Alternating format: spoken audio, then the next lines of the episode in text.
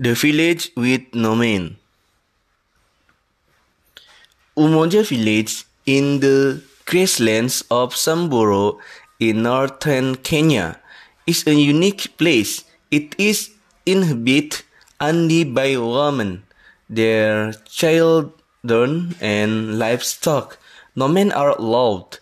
Most of the women that live there are the survivors of rape, domestic abuse, child marriage, or female genital mutilation. The village was founded by rape survivors as a safe space for themselves and their children. Surrounded by a protective fence of thorns, Umoja is a village in the grasslands of Samburu, in the north of Kenya. Goats munch and chickens peck and scratch, while children play and women make jewelry to sell the tourists. Their nimble fingers work quickly as they talk and look with each other. It is a typical Samburu village can, except for one thing, no men live here, live here.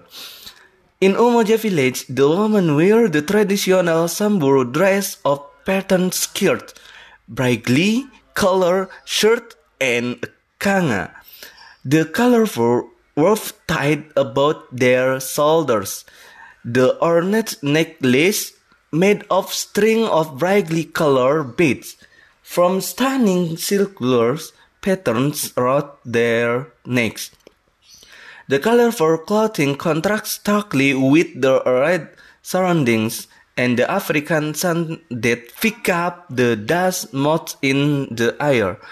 The village was originally founded in 1990 by a group of 15 women who were survivors of rape by soldiers. Umoja's population has since expanded to include any woman escaping child marriage, family genital mutilation, domestic violence, and rape, all of which are cultural norms among the Samburu.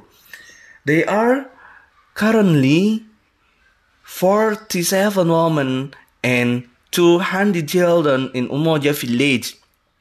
Rebecca Lolosoli is the current village matriarch and one of the founders of Umoja.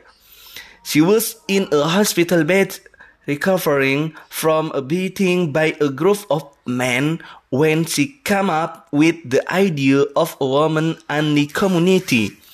The beating was an attempt to teach her a lesson for daring to speak to other women in her village about their rights. The Samburu are closely related to the Maasai tribe and speak a similar language. They usually live in groups of between 5 and 10 families are, and are semi-nomadic pastoralists. There is a deeply patriarchal culture. At village meeting means sitting an inner circle to discuss important village issues, while the women sit on the outside, only occasionally allowed to express an opinion. Umoja's first members all came for, from the isolated Samburu village dot across the Rift Valley. Since then, women and girls who heard of the refuge come and learn how to trade, raise their children and live without fears of male violence and discrimination. Statistics show there are currently 47 women and 200 children in Umoja. Although the inhabitants live extremely frugally, these freezing, women and girls earned a regular income to provide food, clothing, and shelter for all. A kilometer away by the River village leaders run a campsite where a group of safari tourists stay. Many of these tourists and other facing through nearby nature reserves also visit Umoja. The woman charged a modest entrance fee and half that.